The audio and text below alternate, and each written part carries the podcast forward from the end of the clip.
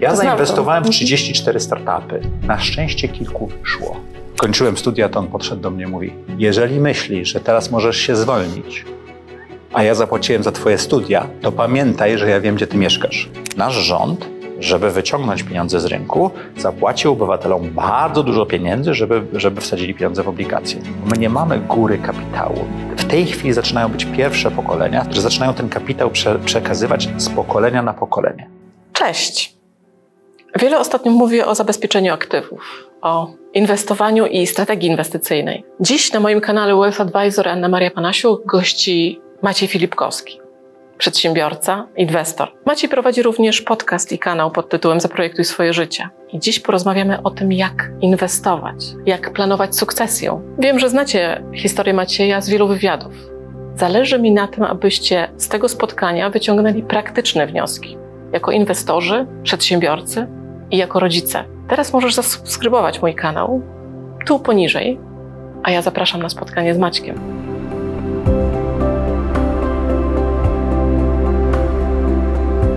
Witaj, Cześć! Maciej Filipkowski, przedsiębiorca, Trochę też, inwestor.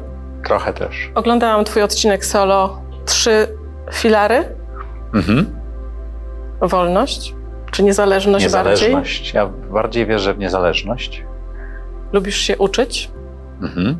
i to kontrybuować. Contribution, oddawanie. Oddawać. Oddawanie, Ja, ja bym to tak. nazwała dzielić się. Takie socjalistyczne ja się w tych czasach wychowałam, więc nie do końca mi to dzielenie się pasuje, ale niech będzie. Przed chwilą rozmawialiśmy o wystarczy.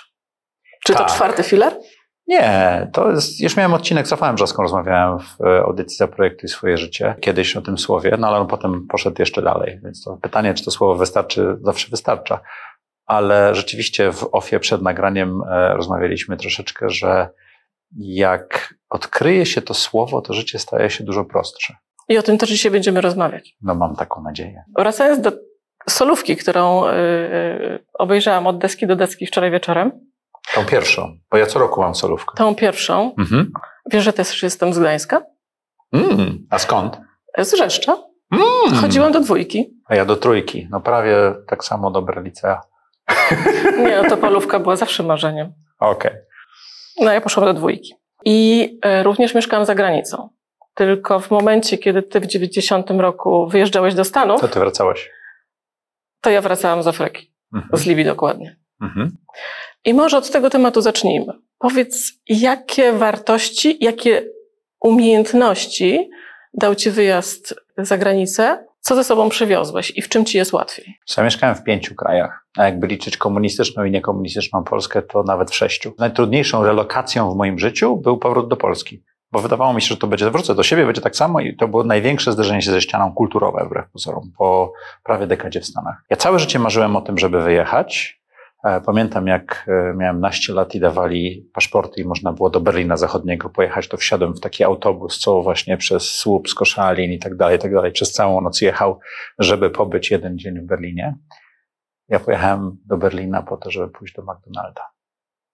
Co w tej chwili jest abstrakcyjną rzeczą, ale jak człowiek oglądał te kasety VHS, to McDonald był tą oazą, nie wiem, wolności czy czegoś. Ja pojechałem, miałem te swoje Deutschmarki, poszedłem do McDonalda, poszedłem do Burger Kinga i stwierdziłem, że to taki McDonald's to trochę inny, nie? To takie śmieszne było. Pytanie było, co mi dał e, wyjazd, czy też wyjazdy. Tak, kiedy wróciłeś i zacząłeś zajmować się biznesem. Wiesz co, to ja nie, nie wróciłem i nie zacząłem zajmować się biznesem. Moja historia była trochę bardziej skomplikowana, bo mieszkałem w Stanach, nie wróciłem do Polski, zacząłem pracę w jednej firmie, w drugiej firmie, tak szukałem swojego miejsca. Nie do końca udawało mi się znaleźć taką robotę, jak chciałem. Nie do końca potrafiłem się dopasować. E, Jak nie potrafisz, to idź do szkoły, więc poszedłem e, na MBA na INSEAD, czyli prawdopodobnie najlepszą szkołę w Europie, jedną tam z pięciu na świecie, ale miałem takie marzenie, pamiętam, że jak przyjechałem do Polski, to był 97 czy 8 rok i był jakiś taki ranking w czymś, powiedzmy, że w Gazecie Wyborczej i pierwsza, największa firma w Polsce to była Telekomunikacja Polska, powiedziałem, że będę prezesem przed 40. Na szczęście nie zostałem prezesem Telekomunikacji Polskiej, Ale zostałem szefem Dela. E, najpierw na Polskę, a potem na Europę Środkowo-Wschodnią, Republiki, były Republiki Radzieckie, czy tam 29 krajów. Ale to są twoje dodatkowe doświadczenia też za Tak, granicą. Ale ja wracałem do Polski trzy czy cztery razy. Okej. Więc to, to za każdym razem było troszeczkę inaczej. Za pierwszym razem, jak mi to dało, to po pierwsze miałem angielski, rozumiałem, jak się robi biznes, rozumiałem, co to jest dobry customer service, czy jak obsłużyć ludzi. Fatalnie mówiłem i pisałem po polsku, wbrew pozorom, pomimo 20 lat dobrej edukacji, to ten angielski z jakiegoś powodu przekrył te rzeczy. Miałem takie śmieszne rzeczy, że potrafiłem pewne rzeczy nazwać po polsku, a pewne rzeczy Po angielsku. po angielsku i nie potrafiłem. Do tej pory mi się myli popyt z podażą, a ja wiem, co to jest supply and demand, ale popyt z podażą nigdy nie pamiętam, która to jest część tych krzywych, nie? No bo ni- nigdy nie uczyłem się tego tematu po polsku, zawsze Tak, uczyłem tak, się tak. po angielsku. Więc edukacja w Stanach, studia w Stanach, em, praca w Stanach, e, bycie menadżerem w biznesie detalicznym wokół elektroniki dało mi bardzo dużo, bo dało mi taki prosty wjazd. Nie? Ja moją pierwszą firmę założyłem w wieku chyba 16 lat, pierwszą taką spółkę i tak dalej, chyba ZOTO miałem 18 lat, jak zakładałem, no ale potem wyjechaliśmy do Stanów, e, więc ta przedsiębiorczość u mnie umarła i zacząłem pracować dla innych. Ale pracować, kiedyś na lotnisku w Irlandii przeczytałem taką super książkę, mm, nie pamiętam tytułu, nie pamiętam autora, ale pierwszy rozdział był Fire Your Boss. Czyli wyrzuć swojego szefa z pracy, ty jesteś szefem. I efektywnie ja byłem przedsiębiorcą, solopreneurem, czyli jednoosobowym przedsiębiorcą pracującym w różnych korporacjach i tak bardzo łatwo 10-20% e, wzrostu e, dochodów e, było co roku, bo po prostu kombinowałem, zmieniając różne rzeczy. Więc dało mi to zupełnie inne patrzenie. Ja przyjechałem do Polski w czasie kryzysu, to się w Polsce nazywa kryzys rosyjski, to był dalekowschodni kryzys, czyli to był tam 98-9 rok i wszystko siadło, a do tej pory wszystko rosło. Nikt nie był przyzwyczajony, a ja przeszedłem recesję w Stanach, więc też rozumiałem, co się dzieje, łatwo mi było to zrobić. Po trzech latach pojechałem do Francji na studia i pomyślałem sobie, że zrobię te studia.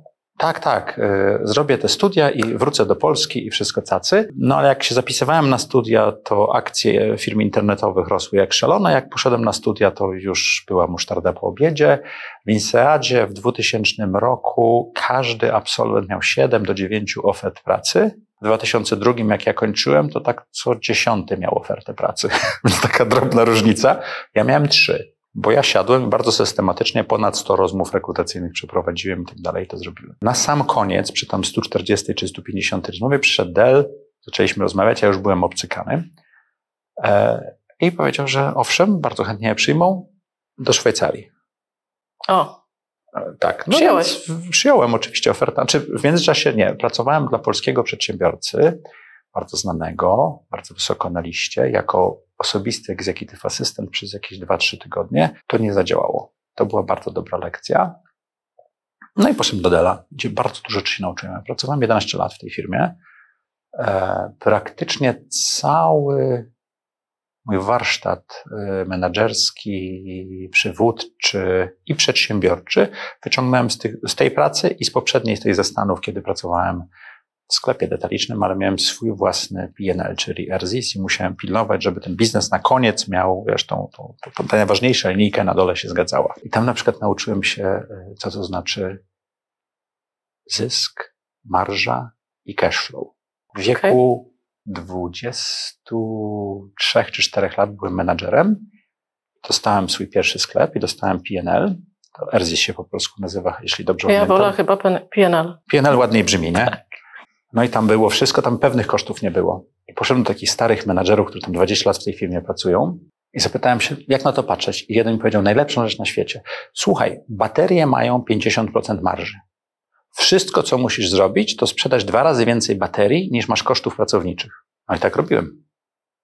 Po roku wylądowałem na Hawajach, na jakiejś super wycieczce, bo się okazało, że jestem tam drugim czy trzecim najlepszym sklepem z 7 tysięcy w Stanach, bo tak żeśmy zachachmęcili wszystko, że działało. Drugą rzecz, którą się nauczyłem e, w tej pierwszej pracy w życiu, to wartości inwestycji i wartości inwestycji w czasie, bo był taki szef, który był zresztą Litwinem i to było bardzo ciekawe, który zapłacił za moje studia, bo zanim zostałem menadżerem, to oni mi opłacili studia i tak dalej. Pamiętam, że jak um, kończyłem studia, to on podszedł do mnie i mówi, jeżeli myślisz, że teraz możesz się zwolnić, a ja zapłaciłem za twoje studia, to pamiętaj, że ja wiem, gdzie ty mieszkasz. A facet był tak o głowę większy ode mnie i ze 100 kilo więcej, więc wiesz, to było bardzo... Gdzie to było? W Stanach. On, on to oczywiście jako żart mówił, Tak. ale Mhm. wiesz, mrowienie pozostało. I on opowiadał kiedyś taką historię o swojej lodówce. A On pracował w tej firmie 30 parę lat. Shack kiedyś rósł niesamowicie. Zaczął w latach 70. y, Tą historię opowiadał w połowie lat 90. i powiedział, że ma lodówkę za milion dolarów w swojej piwnicy. Okej, co miał na myśli? Ile kosztowała twoja lodówka? Nie pamiętam. No, ale to nie był milion dolarów, nie? Bo pamiętała no pewno. nie no, parę tysięcy. Wiesz co, jak zaczynał pracę, to jego żona go przekonała, żeby sprzedał trochę akcji szybko rosnącej firmy, jaką wtedy był Radio Shack, żeby kupić lodówkę. No więc sprzedał powiedzmy 100 akcji za, nie wiem, 1000 dolarów. Nie, nie wiem, jakie, nie wiem, jakie to były sumy. On, on dokładnie co do centa pamiętał wszystko wycenę. No i kupili tą lodówkę.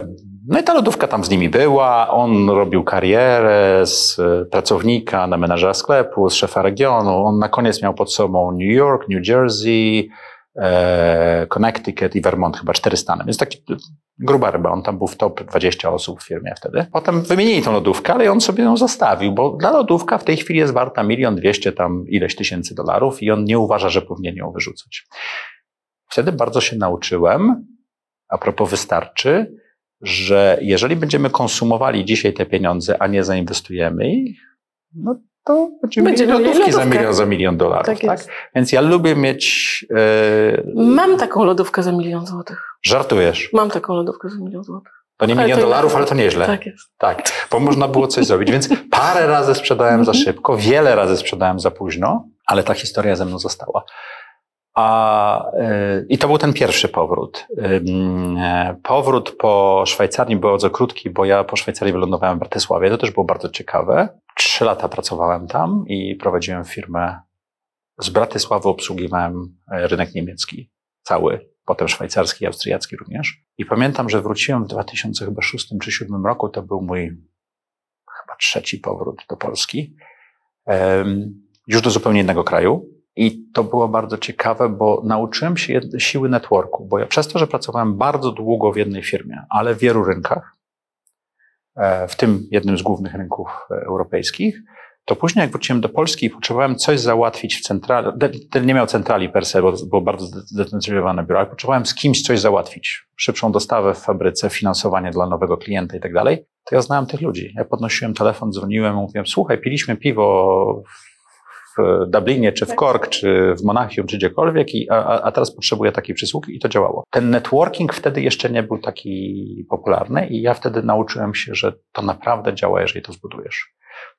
Długa odpowiedź na krótkie pytanie.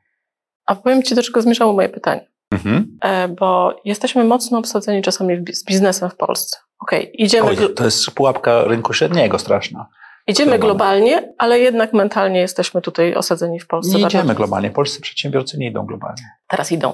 Teraz zaczynają od paru lat.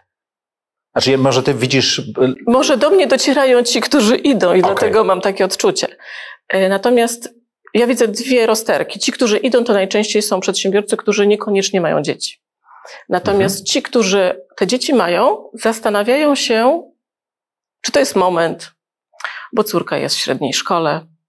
Jak ty patrzysz jako rodzic i przedsiębiorca, i osoba doświadczona międzynarodowo, w jaki sposób zarządzić tym i w którym momencie te dzieci powinny Wiesz co, wychodzić za granicę? mie- dzieci mieszkały za granicą e, na poziomie tam zerówki i, i pierwszych klas. Nie? I szczerze mówiąc, po pierwsze, warto, żeby nasze dzieci uczyły się języków od razu.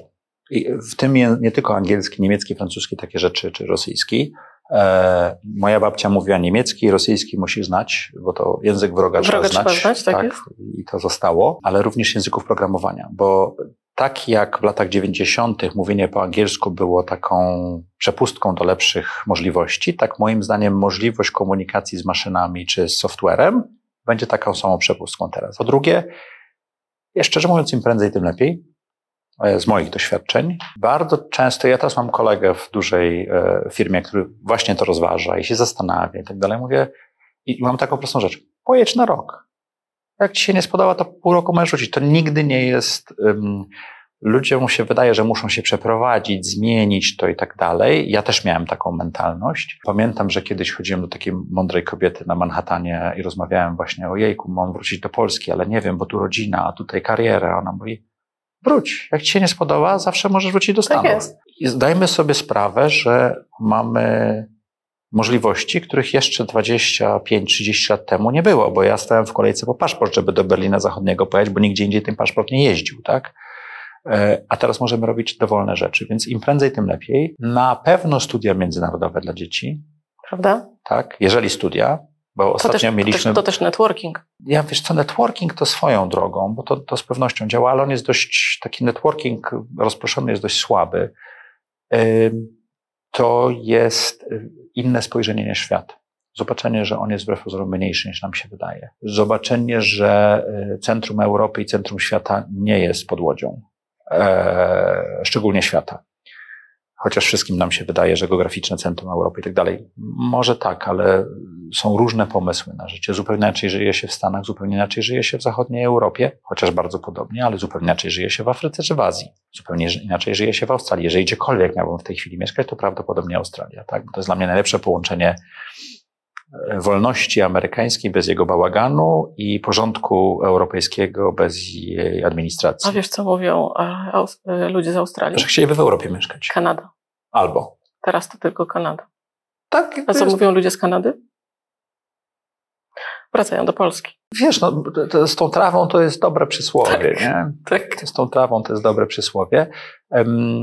Ale ja śmiem twierdzić, że tutaj są niesamowite możliwości, relatywnie niskie podatki, skomplikowany system, ale niskie podatki i bardzo przedsiębiorczy naród, który sam za uszy musiał się wydźwignąć z pewnych rzeczy. Nie dostaliśmy planu Marszala, nie dostaliśmy wielu rzeczy i musimy to zrobić, a jesteśmy tam, gdzie jesteśmy. Teraz to troszeczkę skręca w złą stronę. Zobaczmy, czy nam się uda zawrócić z tego zakrętu. E, mo- model węgierski jest fatalny. E, Nie chciałbym, żebyśmy go tutaj powtarzali, ale nieposiadanie dochodów międzynarodowych we własnej firmie jest niepotrzebnym podnoszeniem ryzyka dla tej firmy. Nieposiadanie edukacji międzynarodowej dla swoich dzieci jest niepotrzebnym zamykaniem drzwi. No właśnie, porozmawiajmy o dywersyfikacji. E, Dzieci czy. czy... E, nie, inwestycji. inwestycji. Dobrze. Zacząłeś mówić o y, dochodach zagranicznych, tak? Mhm. Wydaje mi się też kwestia inwestycji posiadanych w Polsce i za granicą, ulokowania części majątku za granicą jest niezmiernie istotna w dzisiejszych czasach. Jakbyś mógł w ogóle powiedzieć o obecnej sytuacji i w zakresie dywersyfikacji, inflacji, gdzie jesteśmy? Przepraszam Państwa, to będzie trzygodzinny odcinek. Mhm. A teraz na poważnie. Jesteśmy w bardzo ciekawym momencie geopolitycznym i demokratycznym na świecie. Y, Takim niebezpiecznym. Ray Dalio mówi, że tam ryzyko wojny we, wewnętrznej w Stanach jest 30-35% i ry- ryzyko wojny globalnej też ostatnio skoczyło z 30 na 35%. To, co w momencie, kiedy nagrywamy, to tam Chiny mają wspierać właśnie Rosję i tak dalej, to to jest pewien poziom eskalacji.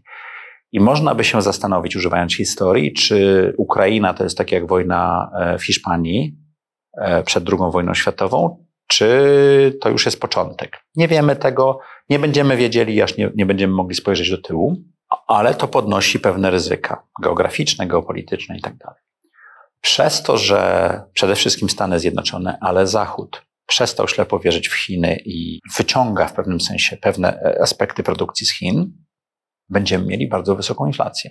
I będziemy mieli tą wysoką inflację prawdopodobnie przez dekadę. Nie mówię o inflacji na złotówce, bo to jest jeszcze bardziej skomplikowane, tak? Bo to jest mała waluta. Dlaczego która- uważasz, że przez dekadę? no bo żeby przenieść fabrykę czegokolwiek z Chin do Meksyku, czy do Kanady, czy do Stanów, Czy do Europy? czy do, czy do Europy, no, no fabrykę się nie buduje w trzy tygodnie. Mhm. Fabrykę bardzo często nie buduje się w trzy lata, szczególnie w wysokich technologiach, tak? E, Linię montażową Dela zmontowaliśmy chyba w, tam w 18 miesięcy czy 20 miesięcy, to się da zrobić, ale wbrew pozorom zajęło kolejne 3 lata, żeby w Łodzi nauczyli się pracować taką wydajnością, żeby fabrykę w Irlandii można było zamknąć, tak? Czyli to jest 5 lat. Więc trzeba podjąć decyzję inwestycyjną, poszukać miejsca, zbudować, przenieść technologię i tak dalej. To jest koszt, który firma musi podnieść, więc koszty firmy idą do góry. Jednocześnie importuje z rynków, które są coraz bardziej mm, nieprzyjazne. Więc tam też koszty idą do góry. Koszty transportu strasznie wzrosły. To koszty transportu to jest naj, mała To rzecz. zależy. To zależy. Ale masz drugą rzecz, która się dokłada, pieniędzy będzie mniej. Pomimo tego, że wszyscy y, drukują w tej chwili pieniądze, to przez to, że y, baby boomerzy dochodzą do takiego wieku, że już nie będą inwestowali w wyższe ryzyko, ty, wyższe ryzyko typu startupy, VC i tak dalej. Mówię bardziej o Zachodzie niż Polsce, bo Polska jest troszeczkę inna. To oni będą przenosili swoje inwestycje y, w T-bills, czyli y, amerykańskie obligacje, czy eu- niemieckie obligacje, europejskie obligacje, w te miejsca, które będą mieli w pewnym sensie zapewniony dochód przez resztę swojej emerytury, czyli z giełdy albo z bardziej ryzykownych inwestycji będą przenosili te rzeczy. Bezpieczniejsze. I do momentu, kiedy ja jestem Gen Xem, Gen Xi są małą e, generacją, więc my nie zrobimy różnicy. Do momentu, kiedy, kiedy milenialsi, czyli dzieci baby boomerów, nie będą mieli 40 kilku lat i, czy tam 50 lat i nie zaczną mocno oszczędzać, bo ich dzieci wyjdą już e, i, i tak dalej, to mamy taką przerwę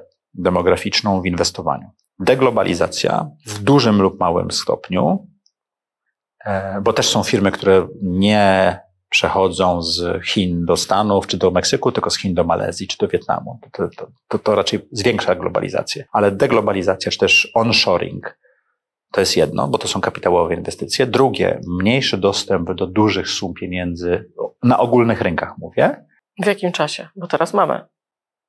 Ale jest pieniędzy coraz mniej teraz, bo śruba się przykręca. No bo jeżeli odsetki są wyższe, to ja chętniej zostawię je w banku czy na obligacji państwowej. Obligacje państwowe w tej chwili mają boom w Polsce. Nasz rząd, żeby wyciągnąć pieniądze z rynku, zapłacił obywatelom bardzo dużo pieniędzy, żeby, żeby wsadzili pieniądze w obligacje. Co to spowodowało? Jeżeli nie liczysz pieniędzy europejskich czy PFR-owych, to pieniędzy na rynku na inwestycje w startupy czy firmy jest dużo mniej niż było jeszcze dwa lata temu. Ja osobiście tego nie odczuwam, ale rozumiem. Polska jest dość specyficzna, bo słuchaj, nie, nie wiem, czy czytałaś Prześnioną rewolucję. Jest niesamowita książka, która tłumaczy, co się stało w Polsce między 39 a 89 rokiem. Efektywnie wszystkie nasze elity, yy, intelektualne, finansowe, ziemskie, zostały y, wyeliminowane. Najpierw przez Gestapo, SS, potem przez NKWD, a potem przez nas samych. I my jesteśmy wszyscy noworyszami w Polsce. Więc mamy troszeczkę inną sytuację, bo my nie mamy góry kapitału. W tej chwili zaczynają być pierwsze pokolenia, stąd też ustawa o fundacji rodzinnej i tak dalej, które zaczynają ten kapitał prze, przekazywać z pokolenia na pokolenie. Ale jeżeli spojrzysz na swoich klientów spoza Polski, czy spojrzysz na Europę, e, Nie, no, to jest- tam, to jest zupełnie- 10 to pokoleń, jest zupełnie 12 inny. pokoleń, tak? My mówimy o biznesach, które mają dwa, trzy, cztery pokolenia. O jejku, to już jest niezły biznes. To są wyjątki. To są noworysze jeszcze ciągle, jeżeli spojrzysz na to. Więc my jako naród mamy świeży kapitał, więc troszeczkę inaczej podchodzimy do tych y, procesów, y, co, co z pieniędzmi można zrobić i tak dalej. Mamy większą chęć na ryzyko, żeby szybciej zarobić i tak dalej. Stare pieniądze lubią spokój. Nowe pieniądze lubią dużo pieniędzy. Nawet kosztem ryzyka. Mhm. Stare pieniądze rozumieją różnicę między ryzykiem a zyskiem, nowe nie zawsze. Okej. W tym kontekście mówisz o starych pieniądzach, tak? Że stare pieniądze są te słuchaj, konserwatywne. Mówię, mówię geopolitycznie. Ja myślę, że jesteśmy na początku jakichś zmian, które nie do końca rozumiemy i one się trochę mieszają, tak? Natomiast to, to rzeczywiście moje obserwacje są takie, że stare pieniądze są bardzo ostrożne. Bardzo. Wolą Naprawdę- nie zarobić niż tak, stracić, tak? Tak. Y, Wielokrotnie, kiedy rozmawiam z zagranicznymi inwestorami, to oni się trzy razy zastanowią i na końcu podejmą decyzję, że nie wchodzą. Y, W momencie, kiedy y, polskie nowe pieniądze jest bardzo łatwo namówić na cokolwiek. Warren, ile Warren Buffett powiedział, że najważniejszą oglądała. rzeczą w budowaniu swojego majątku jest nie stracić kapitału. I siedzi na gotówce. To, to jest troszeczkę, on ma dość specyficzny model biznesowy i to też można by zrobić, ale efektywnie tak. To, co trzeba zrozumieć, że jeżeli akcje spadną 50%, to żeby wrócić do tej samej ceny, to one muszą wzrosnąć 100%. Większość z nas tego nie rozumie i e, wszystkie afery, które mieliśmy, od Amber Gold do paru innych e, niedawno i tak dalej, to ludzie szli, o tu mam 7% w banku, a tu będę miał 11%, to pójdę, totalnie nie rozumiejąc ryzyka.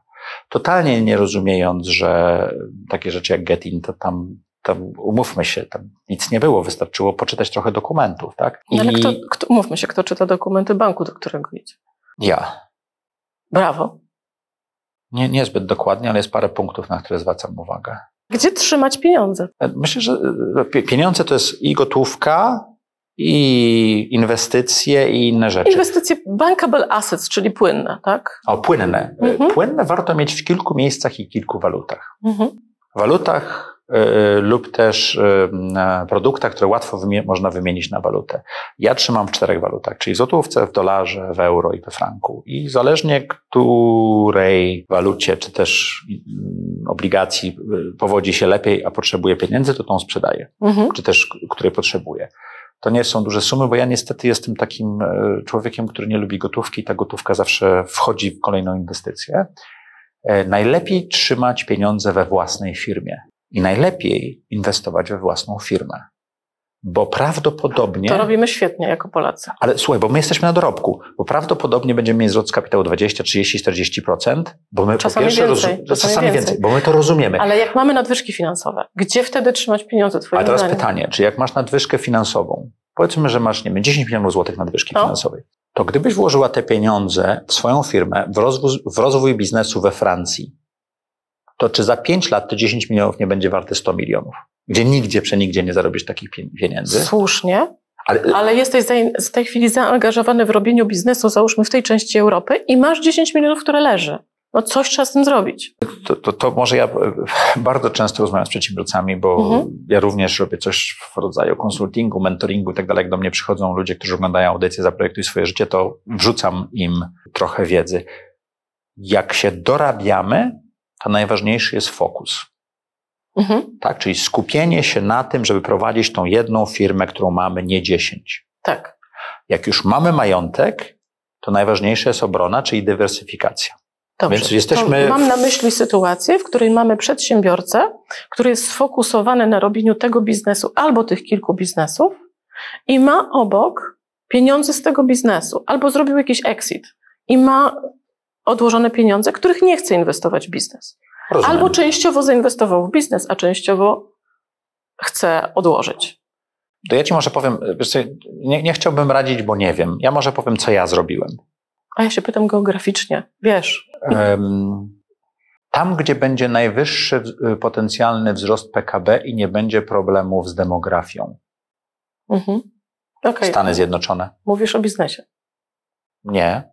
Mówię o, pieniądzach. okej. No bo jeżeli spojrzymy na to, po- pierwsze warto inwestować w przedsiębiorstwa, bo one najlepiej bronią się przed, czyli w giełdę, bo one najlepiej biorą, bronią się przed różnego rodzaju zmianami. Warto to robić przez kogoś, kto się na tym zna, niekoniecznie z naszego banku i tak dalej, bo to, to nie jest dobry model biznesowy dla nas. Poszukać zarządzających, których rozumiemy, zgadzamy się z nimi i to zrobić.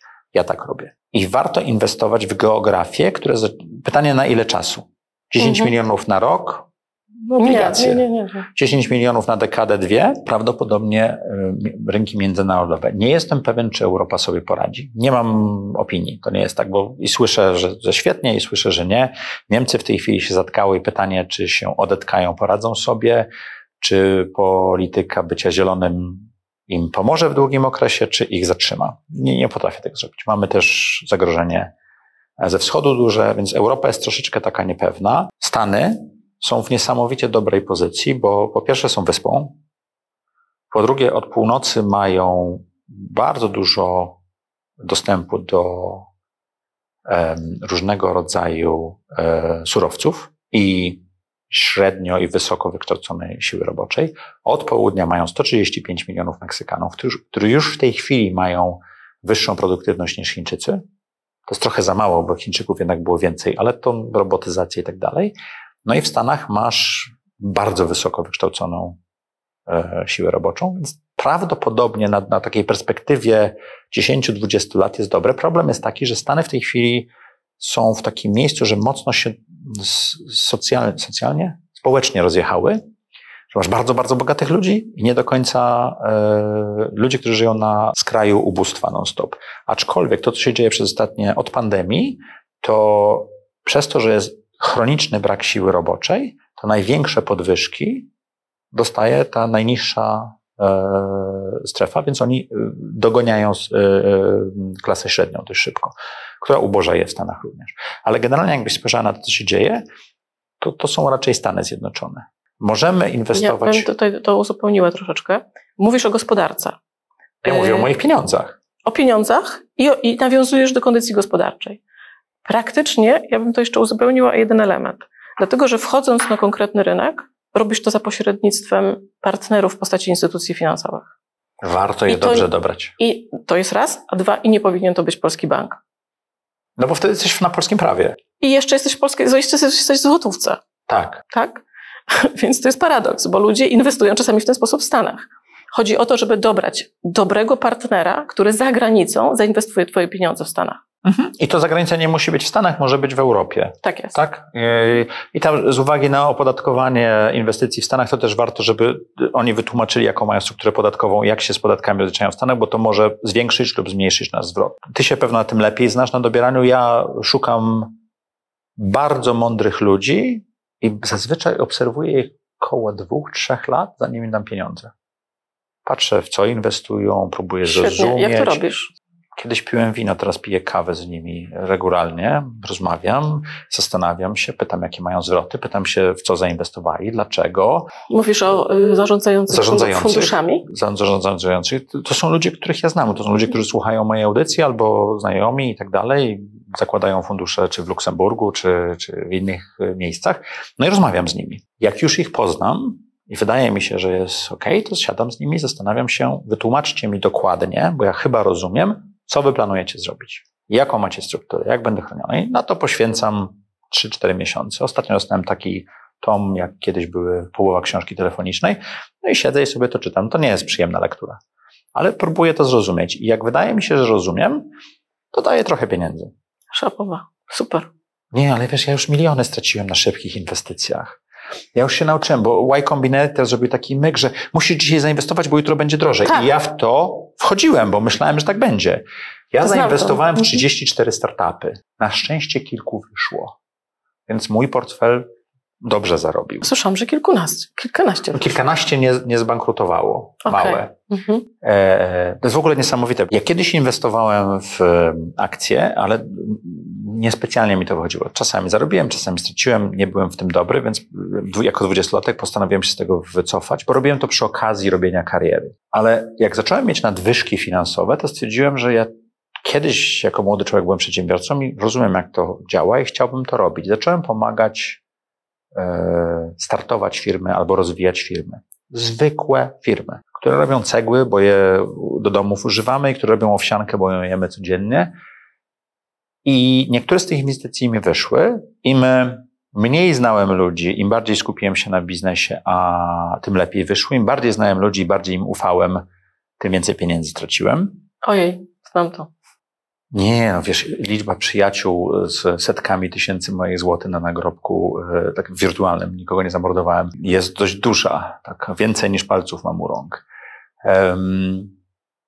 A, a parę razy zostałem normalnie oszukany. Raz przez dwóch ludzi, których nazywałem najlepszymi przyjaciółmi. Nie było to piękne. W sumie to potem już miałem w nosie te pieniądze, tylko nie mogłem zrozumieć, jak można przyjaźń, która ma kilkanaście, prawie 20 lat, po prostu wyrzucić dla kilkuset tysięcy złotych do śmieci.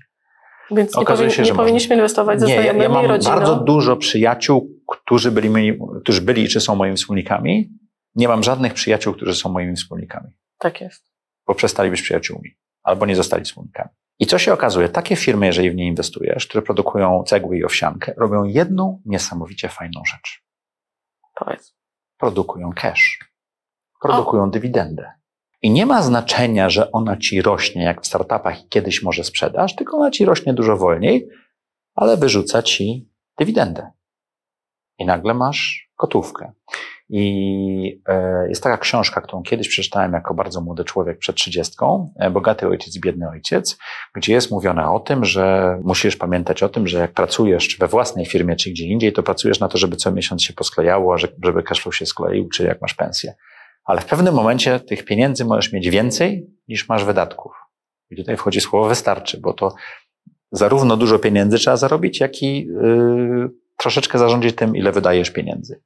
Jeżeli to jesteś w stanie zrobić, to w pewnym momencie nie musisz, nie musisz pracować. I mi to się zdarzyło około 2011 roku. A ja stwierdziłem, że mój dochód pasywny pokrywał 80-90% moich wydatków. oprócz tego, co zarabiałem. Tak mówię, wow, jeszcze poczekałem rok i było świetnie. Powiedziałem, dobra, skończyłem. Wtedy się okazała też dość niesamowita rzecz. Ja się najnormalniej w świecie przestraszyłem. Bo ja byłem szefem Dela na 29 krajów. Czyli musiałeś jeszcze poukładać w głowie, tak? Nie byłeś Przyszedł po Samsung, dał gotowy. mi ofertę na wiceprezesa i, i żebym... I wróciłeś. I po, po, pobiegłem, wiesz, pocałowałem w pierścień, że to spoko. Wytrzymałem tam dwa i pół roku, ale mentalnie nie byłem gotowy, bo w ogóle kolejna niesamowita książka, która wyszła niedawno. Jezu, jak ja bym chciał, żebym ja ją przeczytał, jak miałem 20 lat. E, wszystkim moim dzieciom kupiłem. Psychologia pie, pieniądza. Psychology of Money. E, to jest książka, która tłumaczy właśnie to, co powiedziałem. Jedno to jest matematyczne zrozumienie pieniądza. Inflacji, procentu składanego i tak dalej, a drugie psychologii. Jak my na to reagujemy? Tu już Kahneman pisał w e, Thinking Fast and Thinking Slow, tak? 100 dolarów zarobione to jest dużo mniej niż 100 dolarów stracone. Tak? I jak te akcje nam spadły 50%, to będziemy niepotrzebnie je trzymali, żeby doszły do tego samego poziomu. Zrobią to za 10 lat, kiedy moglibyśmy nawet połowę tych kasy sprzedać, wsadzić coś innego i byśmy to za 2 lata odzyskali na przykład, tak? Trzeba się tego nauczyć. I psychologia pieniądza to jest taka pozycja, którą e, wszystkim dzieciom i samemu warto przeczytać. Dywidenda, jak przychodzi, Czyli wracasz do tej dywersyfikacji dywersyfikacji, no Mhm. to zaczynamy mieć pieniądze. I to jest to Twoje pytanie. No i wtedy trzeba zacząć, zacząć zastanawiać się, w co inwestować. Ja inwestowałem w przedsiębiorstwa, bo to rozumiałem. Bo, bo potrafiłem pomóc tym firmom i rozumiałem, jak to robić. I na 10 ze 2 mi dobrze wyszły. Może 3. Na tyle dobrze, że, że to wszystko działa. Potem stwierdziłem, że chcę pomóc startupom, bo to zrobiło się takie modne. Tutaj te, ta statystyka jest trochę gorsza. E, nie ma żadnej dywidendy, więc długo czekasz. Ja myślałem, że za 3-4 lata wsadzę dużo pieniędzy, I wyjmiesz? za 4 lata, 3-4 lata wyjmę. To jest 10-15 lat. Statystyka 1 na 10 wyszła, czy nie? Trochę lepiej mi wyszło. Okej. E, ale tak 1 na 10 to robią tak, że zarabiają na cały portfel. To tak mi wyszło, tak? Mhm. E, Te dwa, trzy jeszcze zostają, zarabiają na siebie trochę więcej i tak dalej. Ale jak zaczynasz inwestować w startupy, to nagle się okazuje taka, jest coś takiego w startupie, co się nazywa Dolina Śmierci. Czyli najpierw dostajesz pieniądze, to wszystko ci rośnie, rośnie, rośnie, rośnie, potem spada, bo nie masz coraz mniej pieniędzy, a jeszcze ten model rynkowy nie działa i niektóre umierają, a niektóre idą do góry. Jak masz te firmy w Dolinie Śmierci, ja popełniłem niesamowity błąd, zainwestowałem chyba w 17, 14 czy 17, 17 startupów w półtora roku. I nie miałeś pieniędzy, żeby wspomóc? To raz, dwa, one wszystkie zaczynały zdychać. Okej. I nagle patrzysz na swój portfel i mówisz, Boże, co ja zrobiłem z moją kasą? W tej chwili mam bardzo dobrą metodę. Ja inwestuję w jeden startup w roku. Tylko jeden. Bo ja mogę mu poświęcić rok czasu, mogę pomóc zespołowi ruszyć. Na bardzo wczesnym stanie, e, stadium to robię, dzięki czemu uzyskuję nierynkowe wyceny dla siebie, ale mogę też wpłynąć na kształt firmy, dobrać inwestorów i tak dalej. Na trzy, cztery firmy, które tak zrobiłem, wszystkie bardzo dobrze się mają. Jeszcze jest, cztery lata to jeszcze, jeszcze du- dużo, ale całkiem Zostawiasz sobie kontrolę? yy, do jakiegoś czasu e, zostawiam sobie możliwość dokupowania, żeby mieć tą kontrolę. Okej. Mam stanowisko w Radzie Nadzorczej, mam taką karteczkę papieru, którą mówię, to jest cena, za którą Maciej Filipkowski wejdzie do waszego projektu. Okej. I, I patrzysz, w którym momencie możesz chłopakom dać wolną rękę. Od razu daję im wolną rękę, bo ja No, nie chcę Ale pracować w tej firmie. zabezpieczasz się, jeśli chodzi o pakiet kontrolny, Nie, ja biorę 10%. z możliwością do kupienia. Nie, z możliwością W startupach jest troszeczkę Okej. inaczej niż w firmach. Nie możesz wziąć za dużo, bo potrzebujesz mieć bardzo zmotywowanych fonderów. W firmie Dobra. chcesz mieć No. pakiet kontrolny albo rozumieć to. Ale to, czego się nauczyłem w firmach i w startupach, to bardzo dobrze dobieram e, tych liderów, tych prezesów, bo, bo ja chcę z nimi długo pracować. W, w mojej audycji było kilka albo kilkanaście par, które razem prowadzą biznes. Czasami są to małżeństwa, czasami to po prostu wspólnicy. I i powiedzieli, wszyscy powiedzieli jedną rzecz, że bycie wspólnikiem jest dużo trudniejsze niż bycie małżonkiem. Że to jest dużo więcej pracy trzeba włożyć i tak dalej. Więc ja staram się dobierać ludzi, z którymi za 10 lat ciągle chciałbym prowadzić tą firmę. Jeszcze jaka inna dywersyfikacja? No bo rozpowiedzieliśmy o startupach, firmach. E, Firmy to najważniejsze, startupy, yy, nieruchomości. Był Mhm. taki moment, że stwierdziłem, że chcę mieć trochę nieruchomości w Polsce, mam ich e, kilkanaście. Dałem to do firmy, która tym zarządza. To nie jest chyba najlepsza inwestycja, patrząc na wyniki, które mam, ale daje mi jakąś dywersyfikację inną, ale patrząc na to, co się dzieje w Ukrainie, to nieruchomości są trudno zbywalne i trudne do przeniesienia, a łatwe do zniszczenia. Wszystkie w Polsce. Dzisiaj zrobiłbyś to inaczej. Wszystkie, ale to są, to są wybitnie na wynajem e, drobne rzeczy. One mają zarabiać pieniądze, zarabiają dobre ROI, jest ok. Nigdy Mhm. nie chciałbym w czymś takim mieszkać, ale to jest dla e, studentów, którzy, którym jest wygodniej i, i mają blisko uczelni i tak dalej. Czwartą rzeczą, e, i to wymyśliłem w pociągu, to jest IP, czyli war, e, własność intelektualna. Zacząłem nagrywać audycje za projekty swoje życie. I No, ładnie to nazwałeś. Wiesz co, tak siedziałem i stwierdziłem, że no Maciek, no udało ci się zaprojektować to życie, doszedłeś do wolności finansowej w wieku 40 tam, ja chciałem to zrobić na 40 lat, wyszło mi na 44 powiedzmy, 45. I stwierdziłem, że warto to zrobić w ten sposób. I zacząłem nagrywać audycję, z której od razu chciałem zrobić biznes. Po kilku miesiącach stwierdziłem, że nie potrafię z tego zrobić biznesu, ale się to stało świetnym hobby. I w tej chwili mam samofinansujące się hobby, które być może kiedyś stanie się biznesem. Nie zwracam na to aż tak bardzo uwagi, e, bo mam samą przyjemność spotykania się z ludźmi, nagrywania i robienia tego typu rzeczy i mam naprawdę niesamowicie fajny zespół, malutki, z którym e, lubię być. Na tyle lubię być, że jak mój ojciec zmarł na COVID, to pierwszego Zooma, którego mieliśmy z zespołem, to był pierwszy raz, kiedy po pogrzebie się śmiałem. Okej. Znaczy, po prostu się dobrze w tym czuję. Nie jeżdżę na nartach, nie robię kajta, tylko nagrywam audycję. Ale zastanawiam się, jak z tego biznesu, który stał się hobby, zrobić aset, który będzie generował coś. I tutaj wokół własności intelektualnej i tak dalej. Nie wymyśliłem, jak to zrobić, będę wymyślał. I to są takie cztery, które sam stworzyłem, a w tej chwili, chyba z uwagi na mój wiek, bo posiadanie tylu firm powoduje, że to jest bardzo trudny portfel do zarządzania. Przekazanie go do następnego pokolenia gwarantuje jakąś katastrofę. Bardzo, bardzo, bardzo dobre Nie, nie, bo masz, tu masz taką umowę, tu masz taką umowę, tu masz to, tu masz takie opcje. To ktoś musi to rozumieć.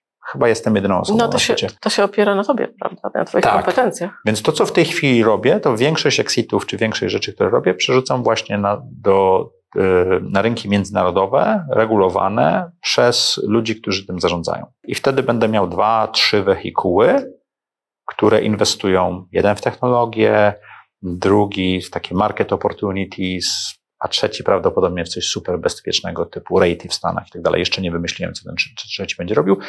I efektywnie będę zmniejszał ten po- portfel mm, rozproszony i skupiał go w ten sposób, żeby następne pokolenie miało Mogło łatwiejszą rzecz. rzecz nie? Trosze, troszeczkę pomoże Fundacja Rodzinna. Ja miałem zresztą niesamowitą rozmowę niedawno z Wiktorem Namysłem, który jest w podobnym miejscu. On był 24 lata w McKinsey'u i ten odcinek pewno już wyszedł. Nie wiem, kiedy ten puszczamy, albo zaraz wyjdzie. Ale rozmawialiśmy, że Fundacja Rodzina to jest, z jednej strony to jest jakiś wehikuł podatkowy i sukcesyjny, ale z drugiej strony to też jest wehikuł na to, żeby zbudować taką tkankę rodzinną na pokolenia. Bo jak spojrzymy na wszystkie Kierownictwo w rodzinie na pokolenia. Nad tym majątkiem, któryśmy wspólnie wybudowali. Czy ty, No, wspól, ty, czy ty samodzielnie to- wybudowałeś, można- nie? Ale wiesz, kierownictwo narzucone nie zadziała. Ono musi być jakoś wypracowane w, w kulturze tej rodziny. Ja, ja stworzyłem rodzinę patchworkową niestety, więc muszę też do, do, te, te kawałki Wiesz co, czasami w patchworkowej lepiej się dogadać niż w takiej... e, Także chciałbym dobry kod z tego Tak, zrobić, tak. nie? taki ciepły, żeby wszystkim było pod nim dobrze. I to, co trzeba zrobić, to mądrze napisać konstytucję rodziny, mądrze zastanowić się nad tym, jak to działa, kto powinien tym zarządzać, jak ta rodzina powinna się spotykać, podejmować kluczowe decyzje i tak dalej.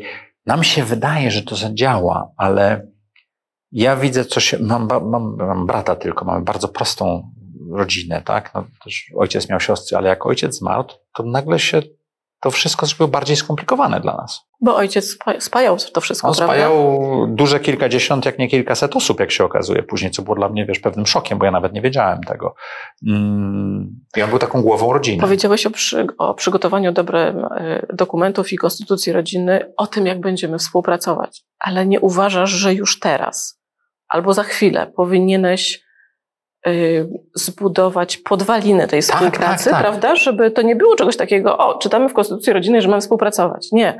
My musimy nauczyć się współpracować wtedy, kiedy ty jeszcze jesteś tym spoiwem. Tak, tak nie, nie, się z Tobą zgodzę. Znaczy, ja jestem w tej chwili na takim etapie mentalnym jeszcze, nawet nie mówię o zatrudnieniu e, kancelarii, zrobieniu tego wszystkiego, że po pierwsze upraszczam swój portfel. I chyba przychodzisz do słowa wystarczy. To za chwilę, bo, bo wystarczy ma wiele, ale tak, że, że wystarczy już szaleństwa, jeszcze robię, mi sprawia przyjemność inwestowanie w startupy, więc robię jedną inwestycję w roku, bo to jest intelektualnie ekscytujące, finansowo zazwyczaj dobre, jak już rozumiem po tych 30 kilku startupach. Ja nawet zrobiłem kurs o inwestowaniu w startupy, który jest cholernie drogim kursem, bo trzeba prawie dychę za niego zapłacić. I ludzie mówią, czemu on jest tak drogi? No jak chcesz zainwestować milion złotych czy 5 500 tysięcy w startup, to, to ten kurs jest ułamkiem ceny. To jest 170 godzin, które A musisz poświęcić. milion. Tak, to 170 godzin, które musisz poświę- poświęcić, żeby to odsłuchać, jest dużo ważniejszą rzeczą, tak? I ludzie, którzy go kupili i skończyli i chcieli inwestować w startupy, wracają, mówią, Maciek, dziękuję Ci ślicznie. Super ważnym jest, żeby zrozumieć, co chce się zrobić. Ty mądrze powiedziałeś. Więc ja najpierw chcę uprościć swój portfel. Chcę zacząć e, rozmawiać o pieniądzach z, z rodziną. I to też trzeba mądrze zrobić, bo rozmowa z nastolatkiem o milionach, czy z dwudziestolatkiem o milionach może nie być dobrą rozmową. Rozmowa z trzydziestolatkiem czy trzydziestolatką o dużej sumie pieniędzy już zaczyna być rozsądna, tak? I, I też trzeba zbudować właśnie coś takiego. Zastanowić się, kto z tego pokolenia jest w stanie tym zarządzać. Jeżeli nikt, to kto mógłby być e, osobą, która pomoże rodzinie to zrobić? To po pierwsze. Po drugie, zacząć z nimi zastanawiać się. Jest szansa, że to nie zadziała, to wtedy dużą część majątku można podzielić przed. Tak? Słusznie. Proste rzeczy, no. chociażby nie wpakować dzieciaki w hipotekę i dać im pierwsze mieszkanie. Ono nie musi być wiel- wielkie, ono nie musi być super dzielnicy, ważne, żeby miały dobry start, tak? Żeby łatwiej im było pewne rzeczy robić i nie, nie ciągnąć się z długiem długo. Na pewno zapewnić dowolną edukację, którą chcą, im bardziej międzynarodowo, tym lepiej, ale to, to niech to będzie ich decyzja. E, doprowadzić do sytuacji, w której jeżeli ze sobą rozmawiają, to zastanawiają się, jak to zrobić, ale zdajmy sobie sprawę, że majątek podzielony na, w moim wypadku, na piątkę dzieci, to każdy dostaje tylko jedną piątą tego, 20%. I jeżeli oni będą mieli dzieci, to znowuż się dzieli i tak dalej, i tak dalej. A majątek, który będzie e, w dużej puli, ma dużo większą sprawczość i dużo łatwiej mu jest zarabiać pieniądze, jeżeli jest w dużej puli. Jeżeli spojrzysz na bogate rodzi- rodziny ze Stanów czy z Europy Zachodniej, które zachowały to w ten sposób, że jest majątek rodzinny. W Szwecji jest parę takich rodzin. I on, oni, oni są właścicielami Szwecji efektywnie, ale te następne pokolenia mają tylko takie malutkie kraniki, z których mogą pobierać na swoje bieżące potrzeby, żeby ten balon nie zniknął. A jeżeli spojrzymy na rodziny, które poszły tą opcją dzielimy, dzielimy, dzielimy, dzielimy, no to na koniec to znika. I to nie trzeba wielu, to trzeba 3, 4, 6 pokoleń i, już nie ma nic z tego. I pytanie, czy to się uda zrobić, nie mam pojęcia, ale chciałbym doprowadzić do sytuacji, w której edukacja, dobrze zrobiona fundacja rodzinna, dobrze zrobione długoterminowe inwestycje dają e, następnym pokoleniom mm, taką możliwość większych wyborów życiowych, lepszego projektowania życia, jeżeli wziąłbym moją audycję. Słowo wystarczy. Tak jest. Wiesz co, ja przyjechałem tu 15-letnim samochodem, yy, mam starą komórkę. Obie rzeczy już w tej chwili muszę wymienić, bo już dochodzi do tego, że samochód przestaje być bardzo Niezawodny. niezawodny. Ostatnio gdzieś tam stanąłem, bo akumulator mi padł, a ja stwierdziłem, jeszcze dojadę 6 miesięcy, potem go wymienię. To, jest, to czasami taką głupotę mamy, z tym wystarczy, ale to, to mi się we Francji bardzo podobało. Ci najbogatsi nie żyją na pokaz. Jedyną rzecz, którą mają na pokaz, to bardzo wysokie mury, żeby nie było widać, co tam dalej jest, tak? Nie jeżdżą Rolls Royce'ami, nie robią tego wszystkiego. My jako bardzo często noworysze w Polsce kupujemy to. Jak rozmawiam z ludźmi, którzy zarządzają moim majątkiem i mają fundusze, to mówią, że właśnie się dziwią, że ktoś wsadza 20% swojego mająt- majątku w samochód. No. What the fuck? Tak, to przepraszam, ale, ale hello, to, to trzeba mieć troszeczkę zrozumienia. Wracamy do lodówki za milion złotych czy milion dolarów u mojego szefa. Lepiej pociągnąć troszeczkę dalej z tym telefonem, z tą lodówką, z tymi rzeczami. Z drugiej strony są rzeczy, na które ja bardzo chętnie wydam pieniądze. No, Mieszkam w centrum? Warszawy, dosłownie w centrum mam 200 metrów do Palmy, w bardzo ładnym miejscu z widokiem na park, Mhm. relatywnie dużym mieszkaniu. To jest ważne, bo ja tam, to nie jest inwestycja. Mieszkanie, w którym się mieszka, nie jest inwestycją. Absolutnie. Proszę Państwa, jeżeli tego nie wiecie, to, to warto, to nie jest inwestycja, to jest koszt. A drugą sprawą, bo nie rzeczą, na którą wydaję pieniądze bardzo dużo, to są doświadczenia. Podróże? Podróże. Rozwój? mm, Czasami rozwój.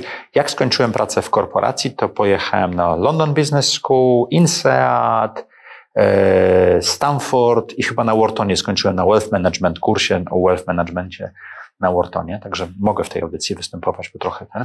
Pamiętam, że siedziałem na tym Whartonie i mówiłem, Maciek, już skończ, bo to już jest nudne, już, już, już, już nie ma pojemności w twojej głowie. Ale ja przez 3-4 miesiące jeździłem od najlepszej szkoły do najlepszej szkoły. Zrobiłem sobie mm, e, relacyjny kurs dla non-executive directors, czyli członków rad nadzorczych na ISAD-zie. Zrobiłem świetny kurs o przedsiębiorczości na London Business School. Byłem na takim kurso spotkaniach, bo tam i w Facebooku i w Google byliśmy parę dni na warsztatach na Stanfordzie. No i zrobiłem ten wealth management, tak siadłem i potem stwierdziłem, że ja tam mogłem być szoferem tych wszystkich osób, co przyszli na ten kurs autentycznie. E, Problemy, które rozwiązywały, były tak ze cztery zera znaczące ode mnie. Prawda? Tak, że my nie zdajemy sobie sprawy, co to znaczy mieć dużo pieniędzy. I nie zdajemy sobie sprawy, jakie problemy mogą nas czekać w momencie, Oj. kiedy mamy duże pieniądze. Oj, mam bardzo ciekawych gości mojej audycji. Wielu z nich jest z pierwszej tam pięćdziesiątki, powiedzmy, listy kogokolwiek, powiedzmy Forbesa. I mam przyjemność, że często z nimi potem, czy po audycji, czy niezależnie pójdę na obiad, czy na kolację i porozmawiamy sobie szczerze, bo ja to lubię. To jest trudne. To jest czasami bardzo trudne i czasami bardzo smutne, Tak, kiedy się do tego dobrze nie przygotujemy. tak.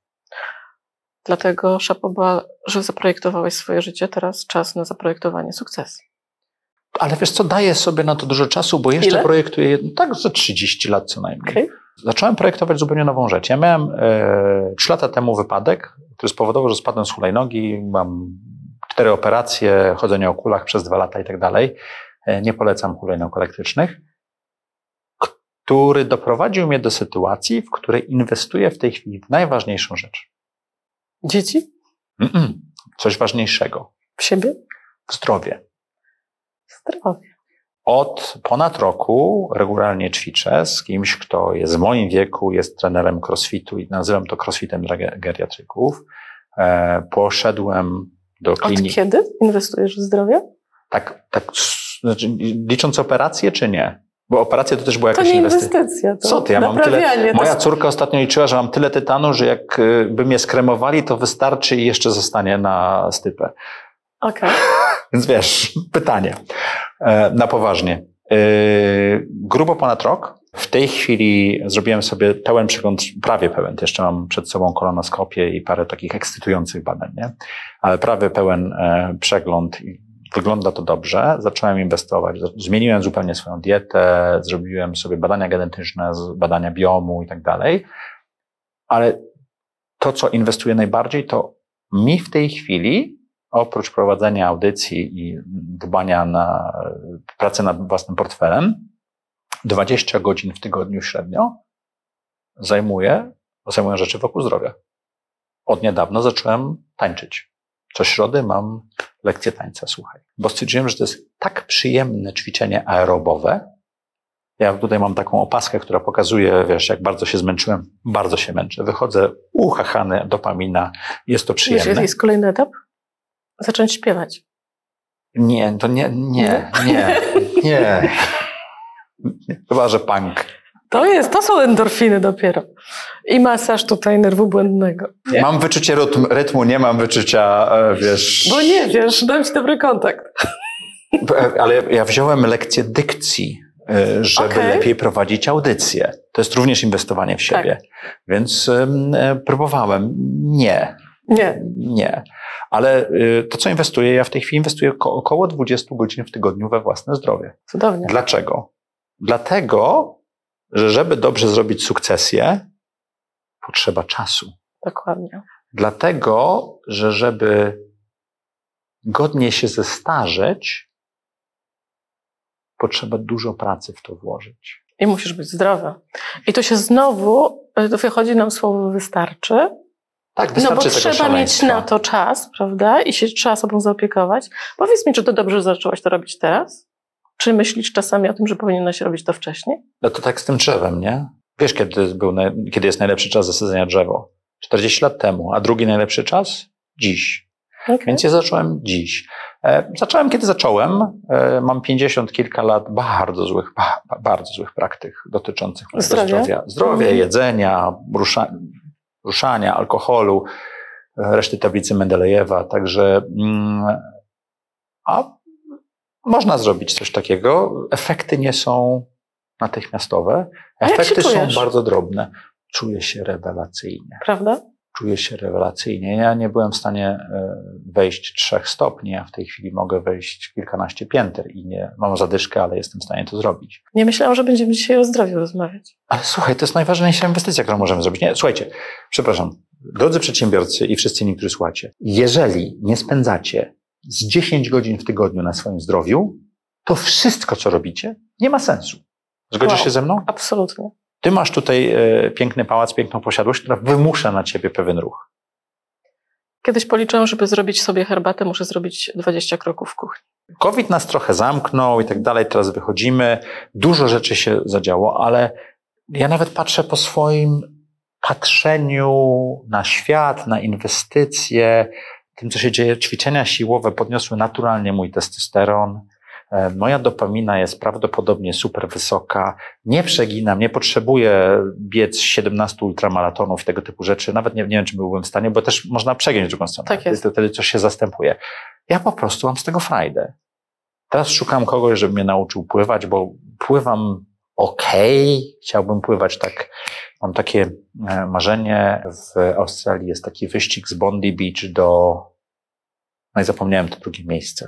To Chcesz cztery. powiedzieć, że chcesz pływać, biec, tak? Nie, nie, nie, nie, nie. Ja, ja chcę przepłynąć te cztery mile po oceanie z jakimiś kilkoma tysiącami wariatów, tylko dlatego, żeby to zrobić raz w Okej. życiu. Wow. Biegać nie mogę, maratonu w Nowym Jorku nie przebiegnę prawdopodobnie, ale byłoby fajnie to zrobić, nie? Może kiedyś mój ortopeda się zgodzi. E, ale to nie chodzi o czas, o cokolwiek, to chodzi o doświadczenie. Słuchaj, to piękne jest to twoje wystarczy.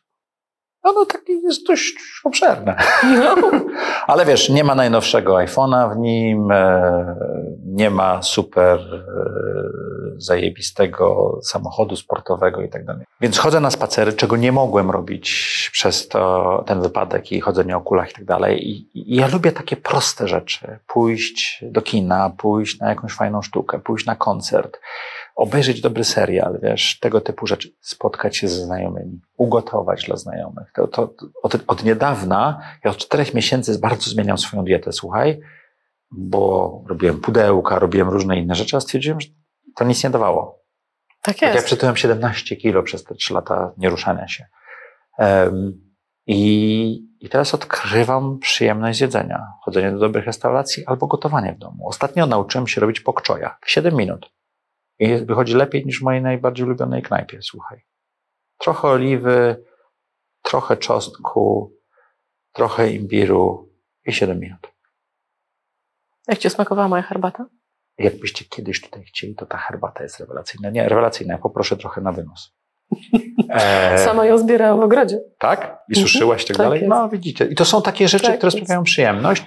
A z drugiej strony pojechanie do Wiednia, do Albertiny, czy teraz e, pojechanie do mojego brata do Nowego Jorku i wyskoczenie do Momy czy do Guggenheima, to niesamowite. Największym moim odkryciem na przykład było e, MoMA w Hobart na Tasmanii. Tak? Nawet nie wiedziałem, że tam jest muze- Muzeum Sztuki Nowoczesnej. Jest olbrzymie.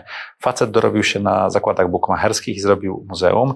I tam jest takie, jak, warto poszukać, Fat Ferrari wpisać, Hobart. Tak? I tam jest takie Ferrari, które jest takie mocno spuchnięte. Pokazuje właśnie konsumpcjonizm tego świata. Ale to było takie muzeum, do którego ja bardzo chętnie wrócę. Ja uwielbiam sztukę nowoczesną. Tak? Maćku, dziękuję ci bardzo. Już? No dobrze. Myślę, że mamy materiał na kolejny odcinek. To ostatnie wystarczy przemówiło do mnie najbardziej. A do ciebie? Już za tydzień mój specjalny odcinek, w którym mówię, jak wygląda życie po exicie i jak budować strategię inwestycyjną. Również w bardzo ludzkim wymiarze. Zapraszam.